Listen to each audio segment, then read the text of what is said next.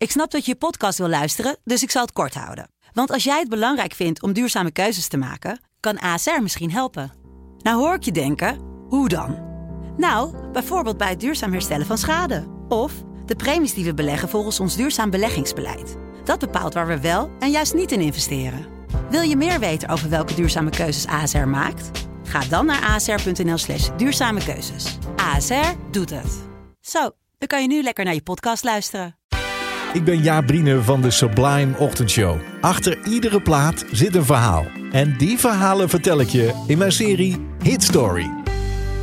Vandaag vertel ik je het verhaal achter It's a Shame van de Detroit Spinners. Sublime Ochtendshow. Hit Story. Verhalen achter de muziek.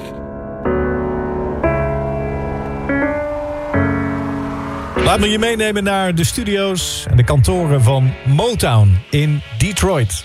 Het is 1969 en het talent klotst hier uit de ramen werkelijk. Marvin Gaye, The Temptations, Diana Ross and the Supremes... Smokey Robinson and the Miracles, The Four Tops... De hele Motown-familie is bezig om hit na hit te maken voor al deze artiesten. En het is een soort fabriek daar hè, van tekstschrijvers en producers en muzikanten. En ook de vijf hoofdrolspelers in dit verhaal. Vijf zangers van begin 30 allemaal. Vijftien jaar geleden waren ze hartstikke jong. Begonnen ze een bandje samen. The Spinners noemden ze zichzelf. Of de Detroit Spinners.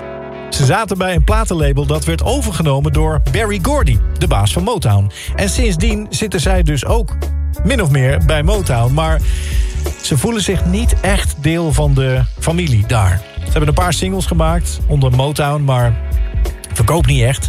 En dus maken ze zich ook maar op een andere manier nuttig. Ja, er moet toch brood op de plank komen. Dus zijn ze chauffeur of road manager of assistent voor andere artiesten. Allemaal wel binnen Motown, maar ze moeten dus maar andere klusjes doen. Expeditiemedewerker bijvoorbeeld. En ook mannen die sjouwen met dozen met singles. Singeltjes van andere artiesten, dat is toch een beetje pijnlijk.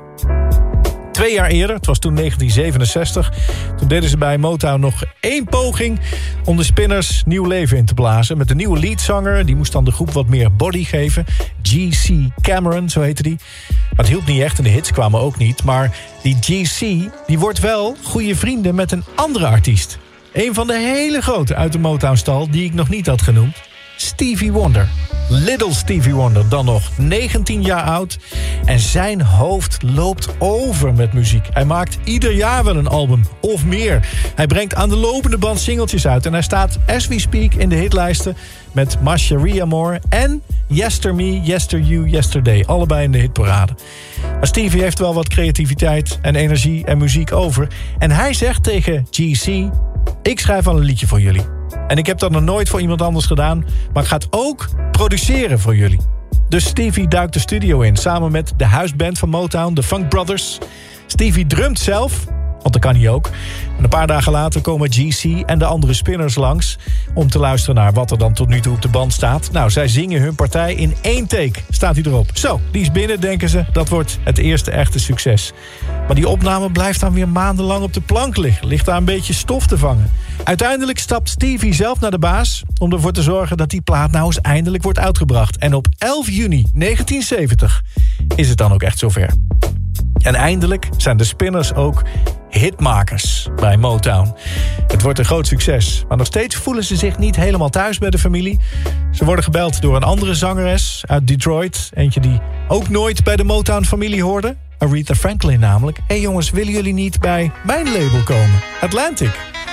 En dus stappen ze over van de ene naar de andere familie. En bij Atlantic worden ze super populair en succesvol. En daar blijven de hits maar komen. En Barry Gordy, de baas van Motown, die ziet dat. Die kijkt ernaar en die denkt... Ah, it's a shame. It's a shame the way you mess around with your man. It's a shame the way you hurt me. It's a shame the way you mess around with your man. I'm sitting all alone by the telephone,